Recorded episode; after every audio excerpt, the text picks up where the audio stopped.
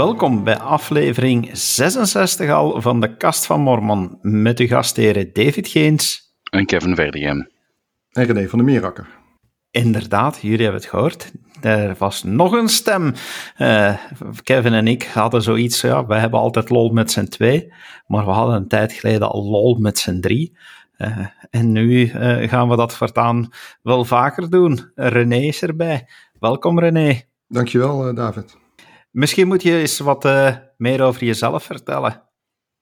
Ja, ik uh, ben een uh, blanke heteroseksuele man van middelbare leeftijd met een baard. Oké, doet al niet meer mee. Uh, stop, gedaan in deze niet, niet, niet, niet, niet, relevant in deze, in deze tijden. Je bent oververtegenwoordigd in de maatschappij. Ja, ik wilde een grapje maken. Jullie waren op zoek naar wat variëteit. En jullie hebben een, een, blanke man van middelbare leeftijd met een baard erbij getrokken. sorry daarvoor. maar ik ben René van der Meerakker. Ik ben 53 jaar oud. Alle gekheid op een stokje. Ik woon in Capelle aan den IJssel in Nederland, onder de rook van Rotterdam. Ik ben getrouwd met mijn lieve vrouw Janina. Ik heb een dochter van 22, Selina. En ik ben van huis uit wiskundige. Ik ben actuaris. En ja, dat is in een notendop wie ik ben en wat ik doe.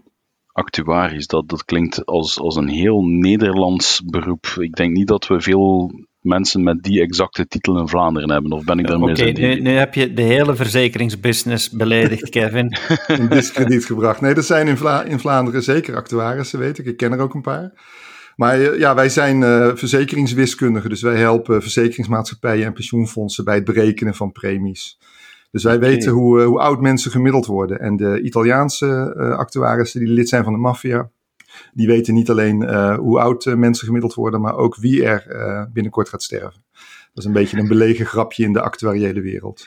Ik weet niet of die hier ook aanslaat, maar ik denk ik gebruik Dus René, jij, jij, kan zeggen van hoe lang we Kevin nog bij ons hebben. Precies, ik kan er niet over uitweiden, maar ik weet meer, om het zo maar te zeggen. ik, ik hou mijn hart al vast. ja, dat moet je zeker doen, hebben we ontdekt. Zeker je hart. Blijkbaar. Ah, nee, maar heerlijk dat we nu uh, met drie kunnen, kunnen overleggen. Uh, nu, de, de, de, oplettende luisteraar die zal René zijn stem ook wel herkennen, want hij is ook al eens in onze podcast verschenen. Hè? Dat klopt, ik ben ooit te gast uh, bij jullie geweest. Ik meen dat dat in februari was.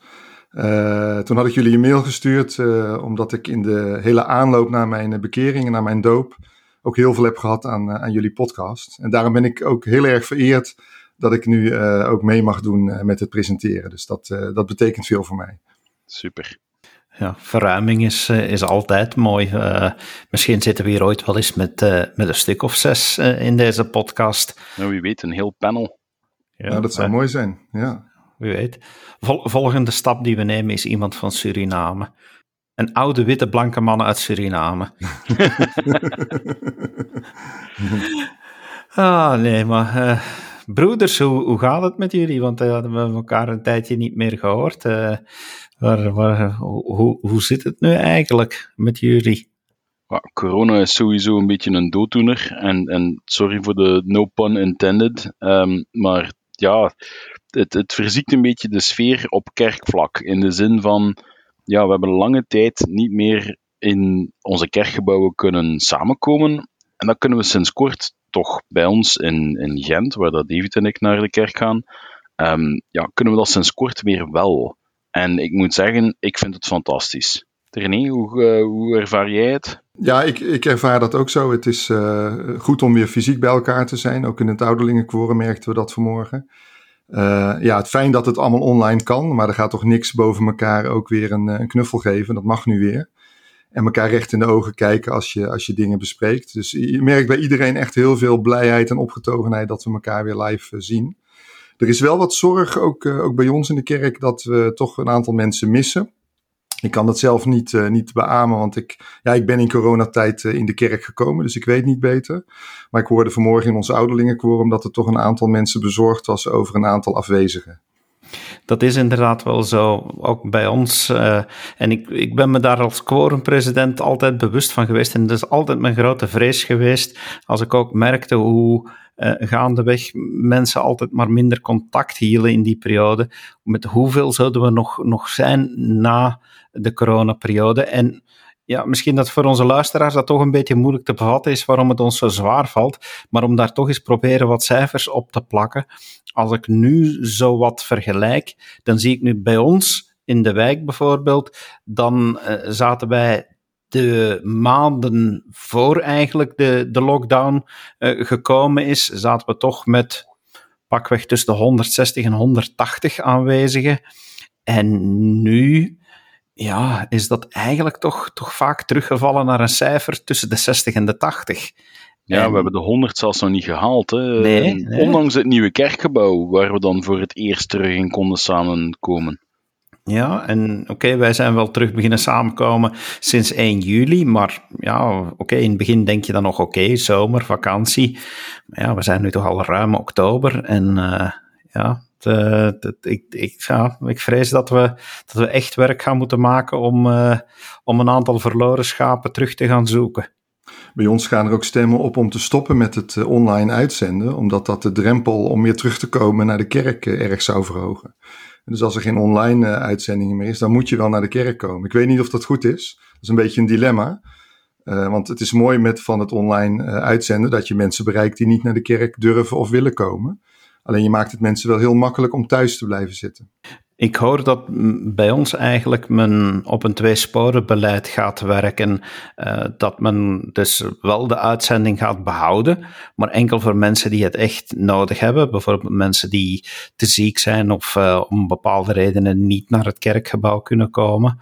Uh, die dat misschien bijvoorbeeld uit voorzorg thuis blijven omdat ze verkouden zijn, maar zeker niet per ongeluk corona willen verspreiden.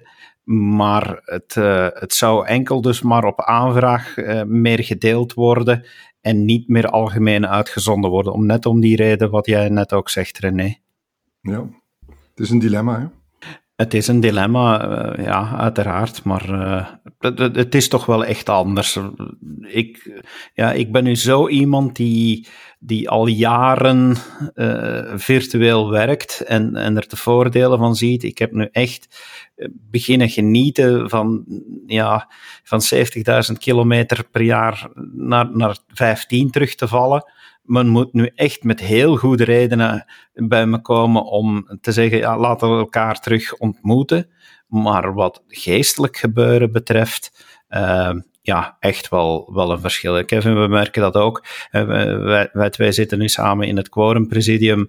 Uh, de beslissing die we genomen hebben om terug elke week de moeite te doen om naar het kerkgebouw te gaan en daar te vergaderen. Ja, je zou even makkelijk, je zou makkelijker kunnen virtueel vergaderen, maar uh, het is veel beter om echt bij elkaar te zijn en, en die geest toch uh, echt aanwezig te voelen. Ja, en je merkt ook, vind ik dan toch, dat voor sommigen ook dat digitale gebeuren niet zo eenvoudig is. En dat voor hen dan vaak ook makkelijker is om in de achtergrond te verdwijnen, als het ware. Door ja, stilletjes plots, oei, een connectieprobleem en dan niet meer inloggen of zo. En ja, dit is, je kan minder zorg dragen voor anderen, digitaal. Want je kan moeilijker ook zien, hè, die camera's die hebben dan een lage resolutie en weet ik veel wat. En dan kan je, ik merk dat toch, je kan soms een, een, een broeder of een zuster zien passeren dat je denkt van oei, daar scheelt iets mee. Um, of, of die heeft het met iets moeilijk, met iets lastig. En, en ik, ga ik ga die eens aanspreken. En dat, ja, je kan niet iemand even apart nemen op Zoom. Dat gaat niet. Je kan die daarna wel bellen, maar dan is het moment er soms ook niet meer op natuurlijke wijze. Als, als je begrijpt wat ik bedoel. Ja, dat zijn gewoon bepaalde vibes die je niet digitaal kan opvangen. Inderdaad. En je hebt ook het informele aspect, dat je echt samenkomt als gemeenschap, heeft ook echt de voordelen dat je tijdens de formele momenten, vind ik, veel beter de geest kan voelen. Maar je hebt ook de hoop informele momenten. Gewoon dat je tegen iemand eens iets kan zeggen van hoe gaat het? En ja, het, dit gaat wat minder. En dan, ja, je kan een knuffel geven. Je kan, je kan ook heel makkelijk, wat, wat ik nu echt heerlijk vind, ook, eh, ook vanuit mijn roeping, omdat ik daar moet over waken, maar is dat je, dat je dan zo toch veel sneller merkt van, oh, daar een probleem, misschien eens aanbieden om, om wat een ondersteunend woord of een zegen uh, te geven of zo ja, dan zie je dat die aspecten, dat dat toch wel helemaal veel beter leeft dan wanneer je digitaal moet gaan. Gelukkig hadden we het. We zijn die periode zo doorgekomen, maar nu is het echt wel terug tijd om, om samen te komen. Daar ben ik helemaal van overtuigd. Ik, en anderzijds vind ik het wel een goede evolutie dat, hè, want jij sprak dan van dat je heel digitaal gegaan bent. Je gaf net aan, ze moeten nog een goede reden hebben om toch nog fysiek samen te komen. Ik denk dat het onze planeet wel te goede kan komen dat bepaalde verplaatsingen gewoon volledig vermeden worden. Ik hoop ergens dat de tijd dat je voor een bepaalde vergadering letterlijk even de oceaan overstak per vliegtuig, ik hoop dat we die periode toch achter de rug hebben. Dat, dat, dat is zo absurd om daar ja, niet alleen brandstof, maar allerlei soorten grondstoffen die zo beperkt zijn aan te gaan verkwisten, als het ook gewoon digitaal kan. Gelukkig hebben we door corona, is daar ook technologisch gezien dan een enorme sprong vooruit gemaakt. Hè. Bedrijven hebben moeten schakelen, hè. ze hadden geen keuze. Ja, corona heeft ons wat dat betreft de ogen geopend. Ik ben het daar helemaal mee eens. En de grootste fout die we nu kunnen maken is uh, teruggaan naar het oude en doen alsof we niks geleerd hebben. Wel, als we even terugblikken, René, Kevin, eh, we hebben net deze maand dan nog een algemene conferentie gehad, die toch al iets terug normaler begon te lijken. Eh, terug in het conference center, uh, weliswaar met zeer beperkt aantal mensen in het conference center, maar het voelde toch alweer een stukje beter aan. Wat, wat waren jullie impressies van, van de algemene conferentie? Ja, misschien mag ik daarmee beginnen. Ik, uh, ik voelde die vibe ook. Hè? Gewoon blijheid om het feit dat we weer uh, met, met de nodige beperkingen bij elkaar konden komen. Ook blijheid om het feit dat het koor er weer was. Uh, dus dat, dat, ja, dat zorgt gewoon ook voor veel meer sfeer. Ook dat was nog met beperkingen, maar het was er wel. En uh, ja, die, ik vond dat de algemene conferentie werd gekleurd door een sfeer van hoop, om het zo maar te zeggen. Wat is jou blijven hangen, bij jou blijven hangen, Kevin? Um, het was inderdaad ook het zicht om terug al onze apostelen daar op een rij te zien. Maar ook ja, het mooi toch het voorbeeld geven van het mondmasker. Want wat ik opgevangen heb in het nieuws dan toch, van ja, hoe het in de States er dan aan toe gaat. Het was ook opmerkelijk dat het eerste presidium echt een statement heeft moeten uitbrengen van hey jongens, alsjeblieft draag een mondmasker, laat je vaccineren. En ik vind dat frappant. Ik heb zoiets van, ja, sinds wanneer, ja, moet ik het gaan zeggen? Op den duur zou je echt gaan geloven dat er mensen zijn die zoiets hebben van, ja, nee, godsdienst dat is één ding en wetenschap, ja, daar, daar, daar doen we niet aan mee. En dan heb ik zoiets van, dan heb je het echt niet begrepen dat het ja, twee zijden van dezelfde munt zijn. Inderdaad, dat heeft het eerste presidium al meermaals gedaan. Echt die oproep van laat je vaccineren. En dat is voornamelijk en dat mogen we toch ook wel zeggen, omdat, en dat, ja, ik zeg het, we kunnen het niet ontkennen, als je kijkt naar de Verenigde Staten, van alle staten is Utah degene met de laagste vaccinatiegraad. En men heeft dat niet in detail onderzocht, maar de grote waarschijnlijkheid is toch dat het, het geloof daar ergens een rol in speelt. Dus ik vind het heel goed dat ons eerste presidium duidelijk zegt van kijk, eigenlijk is het onze plicht om ook voor elkaar te zorgen en ons te laten vaccineren. En dus heel opvallend in deze algemene conferentie, iedere sessie werd gestart met de uitleg dat, we, dat ze nu terug samen zaten in de grote zaal, maar dat iedereen die deelnam gevaccineerd was en getest was. Dus uh, was toch telkens opnieuw dat statement, jongens, wij komen samen, maar enkel op voorwaarde dat het veilig kan. Maar juist met al die statements uh, zou je toch verwachten dat in Utah de vaccinatiegraad heel hoog is. Dus dat verbaast me wel. Wel, ik denk dat het ergens ja, indirect aan religie gekoppeld is. Niet zozeer dat mensen die gelovig zijn of die lid zijn van de kerk niet zo makkelijk gaan um, ja, in de medische wereld gaan geloven. Maar ik denk dat het eerder ja, naar politieke strekking te maken heeft en van daaruit dan onrechtstreeks met geloof. Omdat als je gaat kijken, de meeste mensen in Utah stemmen omwille van hun geloof, stemmen voor de Republikeinen. Dat is algemeen gekend. Als je kijkt naar, de, de stemcijfers in Utah, het overgrote merendeel stemt daar Republikeins. En van wat ik zie van mensen die ik van op mijn zending ook gekend heb en wat zij delen op sociale media, zie je heel vaak nieuwsitems passeren van bijvoorbeeld een Fox News, dat toch wel een, een, een eerder rechts media is. En ja, die zaaien heel veel twijfel. En dus denk ik dat het, dat het daarom meer in Utah is, omdat mensen omwille van een geloof republikein stemmen en dat de republikeinen nogal durven ja, twijfel zaaien over die medische zaken. Zo, zoals ik al eerder zei, wat, uh, wat mensen daar denken, dat is, uh, dat is hun zaak. Um, maar terug even over de algemene conferentie. Welke toespraak is het meeste blijven hangen bij jullie? De meeste presentatie van uh, Elder Dunn heel erg blijven hangen. dat komt misschien ook omdat ik wiskundige ben. Hij kwam met grafiekjes. en maar eigenlijk was de strekking van zijn verhaal als je elke dag 1% verbetert, dan ben je op jaarbasis bijna, wat was het, 38 eh, keer beter geworden.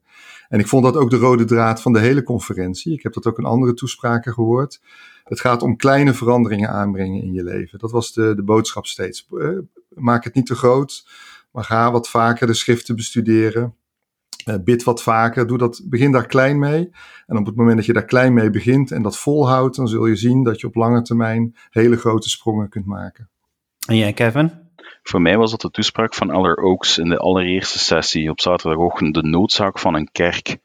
En daar hebben we het in het begin van deze podcast ook al over gehad, de nood om toch samen te komen. Ik heb in het verleden al mensen uit onze eigen unit weten weggaan en die zoiets hadden van ja, ik heb geen kerk nodig, ik kan zelf wel een, een, een goed persoon zijn.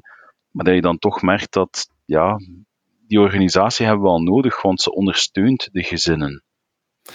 Ik zelf. Uh, eerst moet ik eigenlijk bekennen dat ik voor het eerst in lange tijd iets had. Na, na afloop van het weekend. Uh, zo van. Huh? Was, was een beetje teleurgesteld. Uh, mijn, vrouw vroeg het nog van, wat vond jij? En ik had zo van, nee, van, well, van, blijft niet zoveel hangen. Uh, ja, dat, zal, dat, dat, heeft, dat heeft louter misschien, uh, misschien, dat heeft louter te maken ook dat er, ja, de manier waarop ik er naar geluisterd heb en wat, dat ik, wat dat ik wilde en moest horen. Behalve één ding. Eén ding sprong er dan wel enorm uit. En dat was de toespraak van, uh, van, van broeder Wilcox. Die, uh, die, ja, die, die heeft al fantastische dingen gezegd over, over de verzoening van Christus en hoe dat die het goed kan uitleggen, wat die verzoening betekent en hoe dat we daar moeten, moeten naartoe kijken en het begrip van, van die oneindigheid van die verzoening en wat dat, dat betekent, zonder te vervallen dat je zou kunnen gaan denken van, och ja, we zondigen er maar op los, het wordt toch altijd vergeven. Die, die kan perfect dat evenwicht daarin vinden, dat je weet van, oké, ik heb een fout gemaakt, maar dat gaat me niet verhinderen van verder te gaan. Want als ik mij bekeer, is er vergiffenis. Maar toch ook niet op een zodanige manier dat het gewoon als excuus voor alles kan dienen.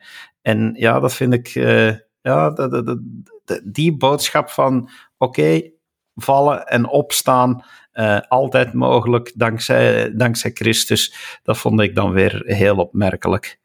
David, ik wil nog wel even reageren op dat gevoel van teleurstelling. Ik had dat ook een beetje bij de aprilconferentie. Dat was mijn eerste reactie ook van, nou ja, dit kennen we toch wel. Om het maar even plat uh, samen te vatten. Maar toen merkte ik bij mezelf dat als, toen ik de toespraken nog een keer ging lezen, nog een keer ging luisteren, dat het ging groeien in mij. Dus een gevoel van teleurstelling kan, als ik voor mezelf spreek, ook bedrieglijk zijn.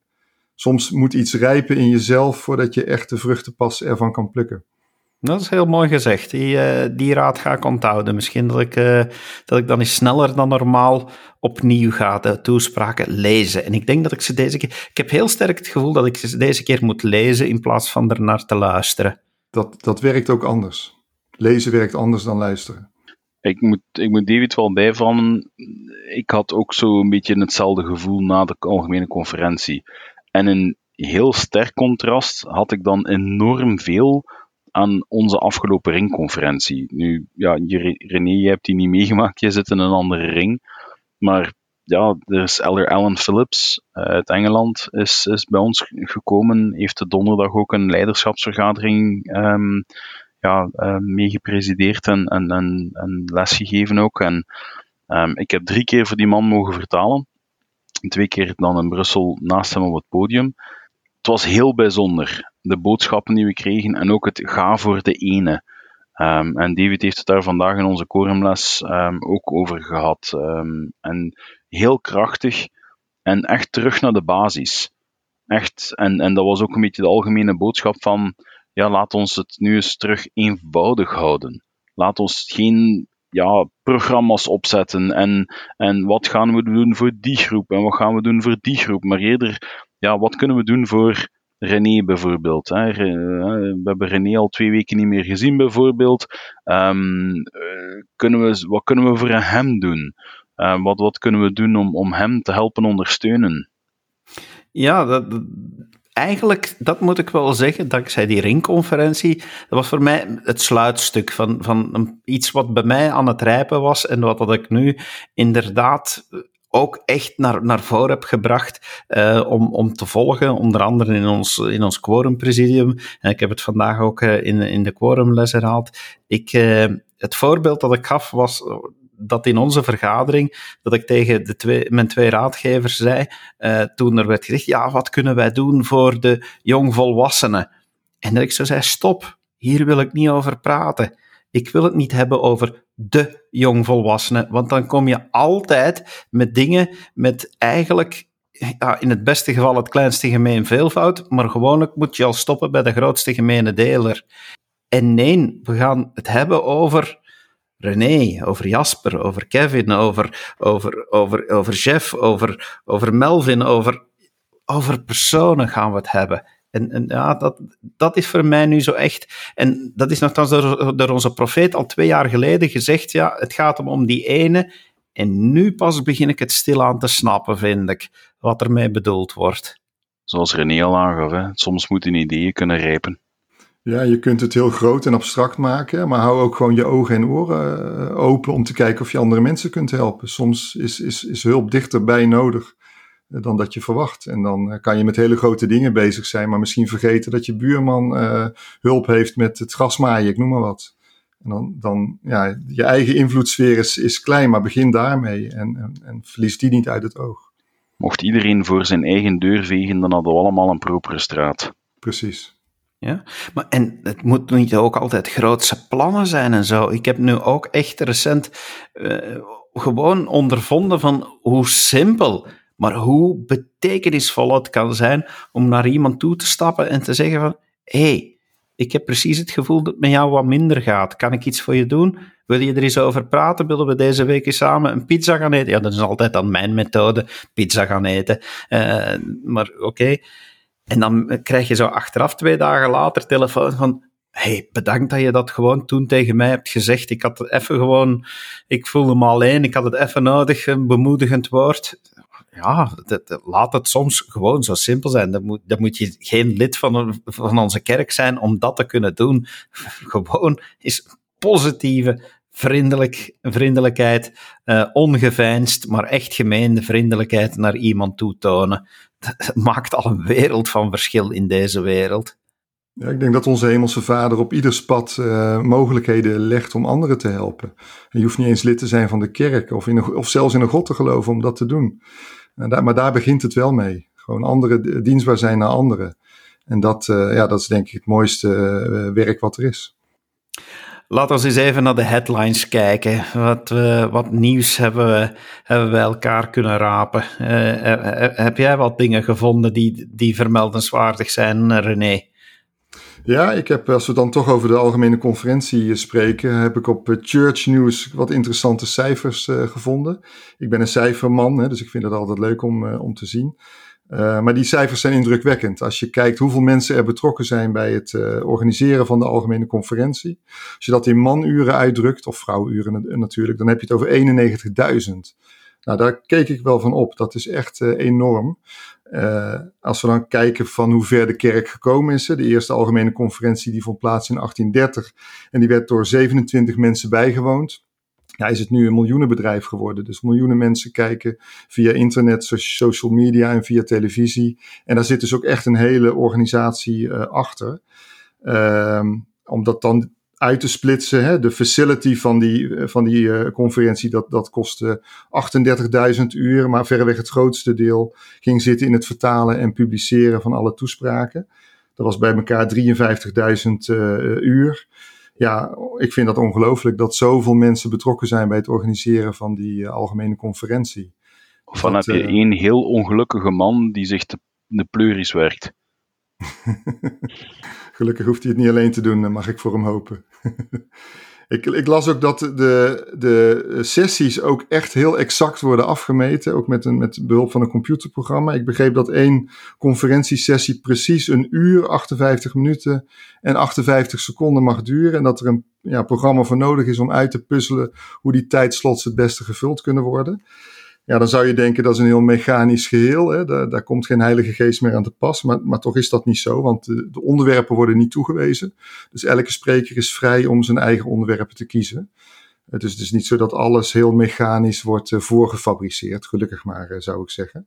Uh, maar desondanks ja, wel indrukwekkende cijfers om te weten hoeveel mensen hier bij elkaar mee bezig zijn. Ik heb ook nog een nieuwtje. Ehm, we zeggen wel eens we voelen het vuur branden. The church is on fire. Spijtig genoeg is het wel vrij letterlijk geweest, want op Temple Square uh, heeft het Joseph Smith uh, Memorial Building een, een, een, vuurtje mogen ondergaan. Maar gelukkig heeft het niet veel schade toegebracht. Maar misschien moeten we toch maar opletten met, tegenwoordig met dat vuur van de Heilige Geest, want hij speelt er blijkbaar veel te graag mee in, in de gebouwen van onze kerk. Een gewaarschuwd mens stelt voor twee. En Gods geest brandt in het hè? als vuur en als vlammen. Ja, um, wat ik ook heb opgevangen is, uh, maar ja, dat het is eigenlijk van voor mijn tijd. Heb, Kevin, heb jij president Kimball nog gekend als president? Um, wacht er, Kimball. Ik denk Kimball niet. Moet ik even terugdenken wie dat de president was toen ik geboren. Ik ben van 1984. Als je de tijdstijn voor je hebt, Um, de eerste die ik echt heel bewust meemaakte, dat was president Hinckley. Um, en ja, de twee daarvoor waren nog tijdens mijn levenstijd, maar ik denk Howard W. Hunter, die is maar heel kortstondig, want die was heel ziek, president geweest van de kerk. En, en ik heb die wissel nog geweten, maar de president daarvoor, dan denk ik dat ik echt te jong was. Wel, bijna iedereen die, die regelmatig naar deze podcast luistert, die zal het wel weten dat ik uh, enorm van Star Wars hou. En het gerucht dat Yoda, dat, dat, dat die eigenlijk gemodelleerd is naar president Kimball, ja, begint weer een nieuw leven te leiden. Hè?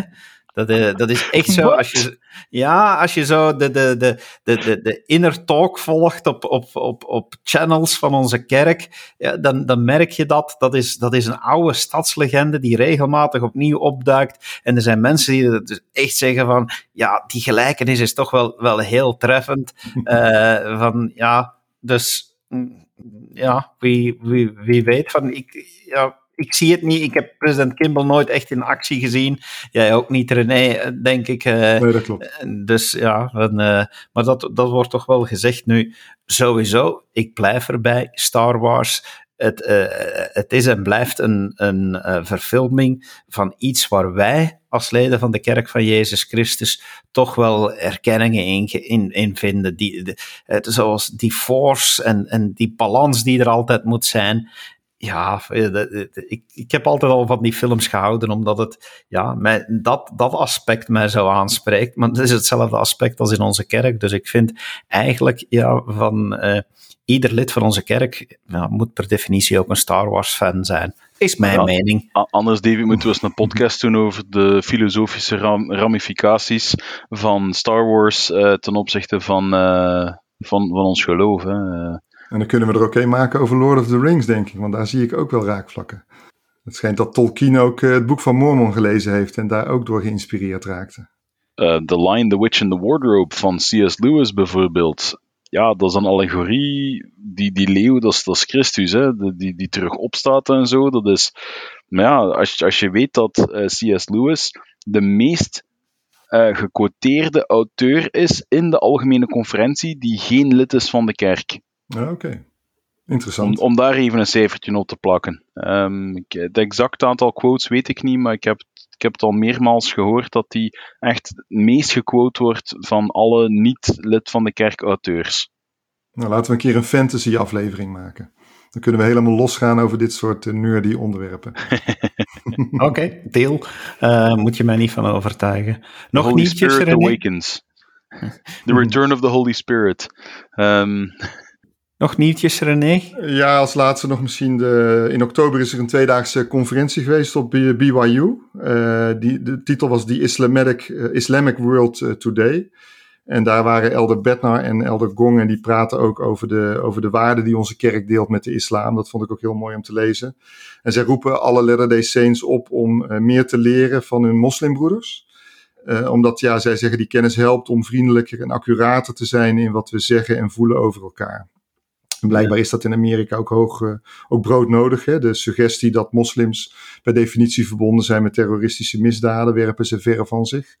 Um, dus ja, ze steken eigenlijk de hand uit uh, om te strijden ook voor godsdienstvrijheid. En ook om, uh, om samen te werken op humanitair gebied. En ik, ik vind dat mooi. Ja, ik heb het ook gevolgd. Het is echt wel de moeite waard om er even in te duiken. En, en toch ook uh, wat meer te leren eigenlijk over de islam. En dan, dan zie je toch ook wel, ja, dan, dan mag je gaan discussiëren. Ja, de ware kerk. Wij, wij, wij kennen de ware kerk. Maar als je dat even loslaat en je gaat dan kijken hoeveel moois er toch ook in de islam te vinden is, toch wel echt de moeite waard. Uh, wat, je, wat je onder andere uit, dat, uh, uit de toespraken van dat weekend kon halen. Um, ja, misschien nog een nieuwtje voor, voor René, of, of ik wil het even polsen. Maar René, je hebt de aankondiging toch wel meegehad, want sinds we jou laatst spraken, is nieuws wel gekomen dat we in België ook een tempel krijgen, hè? Ja, je hebt zeker. dat nieuws toch uh, niet gemist, Dat is doorgedrongen. Nee, dat, uh, dat nieuws is uh, hier doorgedrongen. En dat is Ja. groot nieuws en goed nieuws. Ik denk dat in menige woonkamer tijdens die algemene conferentie zo'n ja moment was. Goed Ja. dat we daar niet in de algemene eh, de, de conference center zaten, want dan, ik weet nog, die, toen dat ze eh, Major City in Russia, dan hoorde je zo echt het publiek zo van, ja, en president Nelson had even zoiets van, ehm, ehm, rustig blijven mensen. Ehm, dus misschien maar goed dat er niet te veel ja, Belgen zaten toen. Is al bekend wanneer die tempel eh, gebouwd gaat worden, of niet? Aha, laat ik eens met nieuws komen. Uh, voor, voor, voor, zeker voor de Belgische luisteraars. Nu, pin me er niet op vast. Er kan altijd wat misgaan. Uh, permits moeten gekregen worden en zo. Voor alle duidelijkheid, op dit moment is nog niet geweten waar die gebouwd zal worden. Er is officieel nog geen beslissing over genomen. Maar we weten wel dat alle tempels die door uh, president Nelson de laatste paar conferenties aangekondigd zijn, dat die eigenlijk allemaal hetzelfde grondplan krijgen. Oh. Aan de buitenkant, de buitenmuren, die kunnen wel verschillend zijn en die gaan altijd zodanig aangepast worden dat ze passen in de, in de lokale context en zo. Maar de indeling, die ligt eigenlijk vast. Dus je, je krijgt eigenlijk een, een box in een box systeem en dus die, in, die binnenindeling, uh, die is voor alle tempels, er zijn er sommige die nu al in aanbouw zijn, die zijn op instructie van president Nelson allemaal hetzelfde. Uh, ik kan je dus ook al zeggen, bijvoorbeeld, dat uh, ja, de instructiekamer, dat, dat we dus uh, in tegenstelling tot wat velen gewoon zullen zijn, dat het maar één instructiekamer is. Dus dat je niet van plaats moet veranderen. dus ja, zulke zaken. En de verwachting daardoor, door op zo'n vereenvoudigde manier te gaan bouwen, is dat het nog twee à drie jaar minstens duurt voor de tempel er zal zijn. De volgende stap is misschien dat het deurdag kunnen hebben. Nu klonken jullie door elkaar, dat was even moeilijk. Laat, laat René maar eerst gaan. Nee, sorry. Ik, ik wilde zeggen, de, de volgende stap is dat eh, alle tempels prefab gefabriceerd worden in Utah en worden verscheept over de hele wereld. Maar dat zie ik nog niet, niet zo snel gebeuren. Ja, uh, temples as a service, wie weet. nee, wat wil jij zeggen, Kevin? De, nog twee à drie jaar voordat we dan effectief ja, de, de, de tempel in gebruik kunnen nemen, dat is dan, en met open deur, daar gaan alles mee in dan. Ja, daar zijn we al volop mee bezig. Daar ben ik zelf bij betrokken als uh, directeur communicatie voor België. Uh, dat de, die eigenlijk de hele tijdsplanning, zonder dus een precieze datum te kennen, maar de tijdsplanning, die is al vastgelegd. het begint, de eerste dag is helemaal exclusief voorzien voor de media journalisten die, die een heel persoonlijke rondleiding krijgen, in de hoop van zoveel mogelijk mensen toch te kunnen berichten over, die, over de tempel. Uh, dan komen er VIP-dagen, dan zullen er eh, VIP's, dat, uh, ja, dat, dat kan misschien de koning zijn van België, de eerste minister. Dus uh, wordt er daar ruimte voorzien om persoonlijke rondleidingen te geven. En daarna komen uh, dan de, de open deurdagen voor iedereen. Um, dan, dan, mag het plebs langskomen. ik, ben ik, maak een grapje, David. Ik, ik snap het belang qua, qua media absoluut NPR om inderdaad om, om onze leiders, om onze natieleiders de kans te geven om, om kennis te maken hiermee. Ik snap daar absoluut. Ik maakte een grapje. Um, dus ik, ik, ik heb echt niet zo het gevoel van oh, wij mogen laatst. Nee, nee, nee, nee dan niet. Weet, um, weet, weet maar dat ik er dus al super nerveus voor ben. Want dus ja, die eerste paar dagen, daar moet ik dus eigenlijk de leiding overnemen ja, ik ben daar nu al mee bezig met na te denken van hoe dat, dat het best gaat gebeuren. Want dat is toch wel een unieke kans qua public relations eh, voor, voor onze kerk. Dus het maakt me niet zenuwachtiger dan dat ik al ben. En, en welke, welke ringen gaat deze tempel eigenlijk allemaal bedienen? Oh ja, goede vraag. Uh, is net ook uit, uh, uitsluitsel over gebracht. Het tempeldistrict gaat drie ringen omvatten. De ring Antwerpen, dus onze ring, met, met dan eigenlijk ook wel het zuiden van Nederland erbij. de, de, de ring Brussel, dus eigenlijk het Franstalig gedeelte van België. En de Lille-steek, dus het noorden van Frankrijk, hoort ook bij dit tempeldistrict. Dus technisch gezien, geografisch gezien, gaat het overgewicht Franstalig zijn dan? Ja, ja, uh, natuurlijk, je krijgt, dat is het tempeldistrict. Er is geen enkele verplichting die zegt dat je, naar, dat je alleen naar de tempel mag in je eigen tempeldistrict. Met een tempelaanbeveling kan je naar eender welke tempel in de wereld gaan. En als je het op de kaart bekijkt, ja, iemand die in Breda woont, ja, die woont dan in dit tempeldistrict van de Brussels tempel. Maar ik denk eerlijk gezegd, zeker op een weekdag, als je dan rekening houdt met uh, waar die waarschijnlijk zal liggen, dat je dan toch Antwerpen, Brussel, dat je daar uh, de fileproblemen hebt, iemand uit Breda, ja, most likely zal die nog altijd naar, naar Den Haag gaan. Uh, mensen die, die uit het, het zuiden van het Lil, de Lil-ring, alleen de ring Rijssel eigenlijk komen, ja, die zijn ook fysiek dichter bij de Parijstempel. Uh, maar het tempeldistrict is, is uit die drie ringen samengesteld. Ja, en, en ja, we hebben het nu, hè, ik heb het net Franstalig vernoemd. Ik hoop dat onze kerkleiders zich bewust zijn van de taalgevoeligheid bij ja, de Vlamingen. Want er zijn toch wel meerdere leden. Je, hebt, je gaat altijd leden die zoiets hebben. Wij zijn allemaal Belgen en we trekken ons er niks van aan. Maar ik weet, ik ken van genoeg leden die zoiets hebben. Ja, maar ja, maar ja Um, dan moet er bijvoorbeeld, eh, het, het, eh, wat staat er dan altijd boven de deur? Het huis des heren, de, de, heren gewijd. Um, dan moet er niet alleen in het Frans op staan. Hè.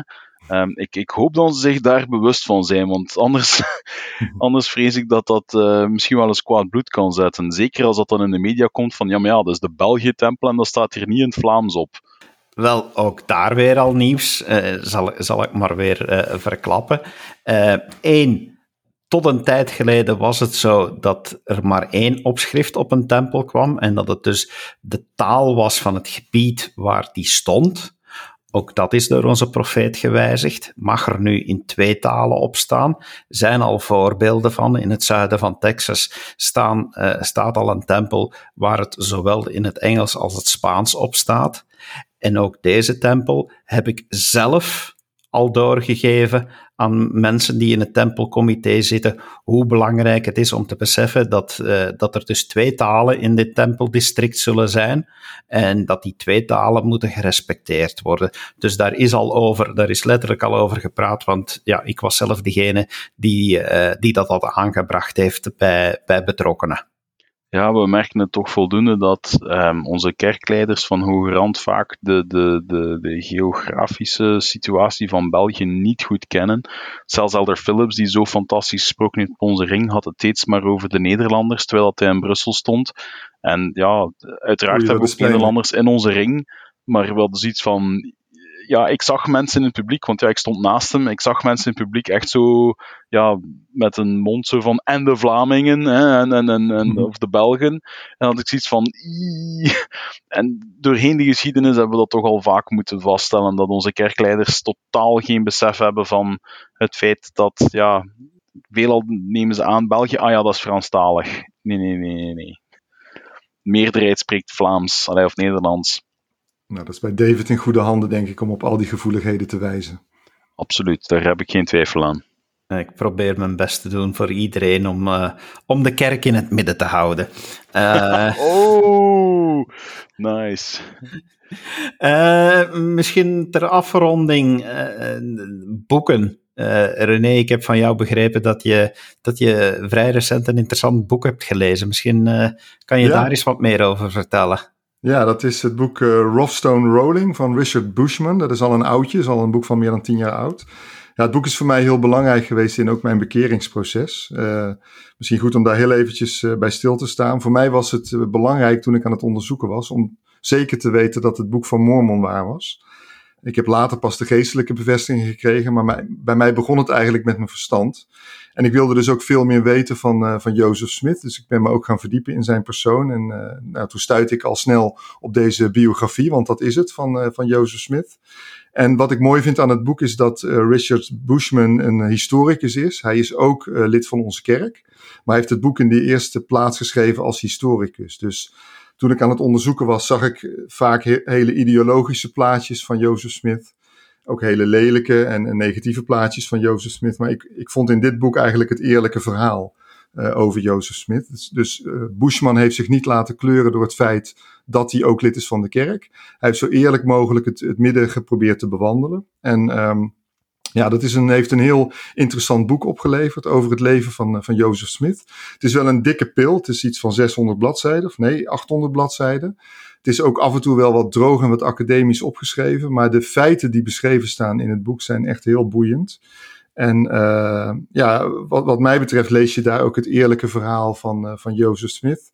En ja, wat, wat voor, mij, voor mij heel belangrijk was, is om te zien dat ja, Jozef Smith gewoon, ondanks al zijn imperfecties en zijn, en zijn tekortkomingen en, en, de fouten die hij maakte, gewoon maar bleef luisteren naar de stem van de Heer.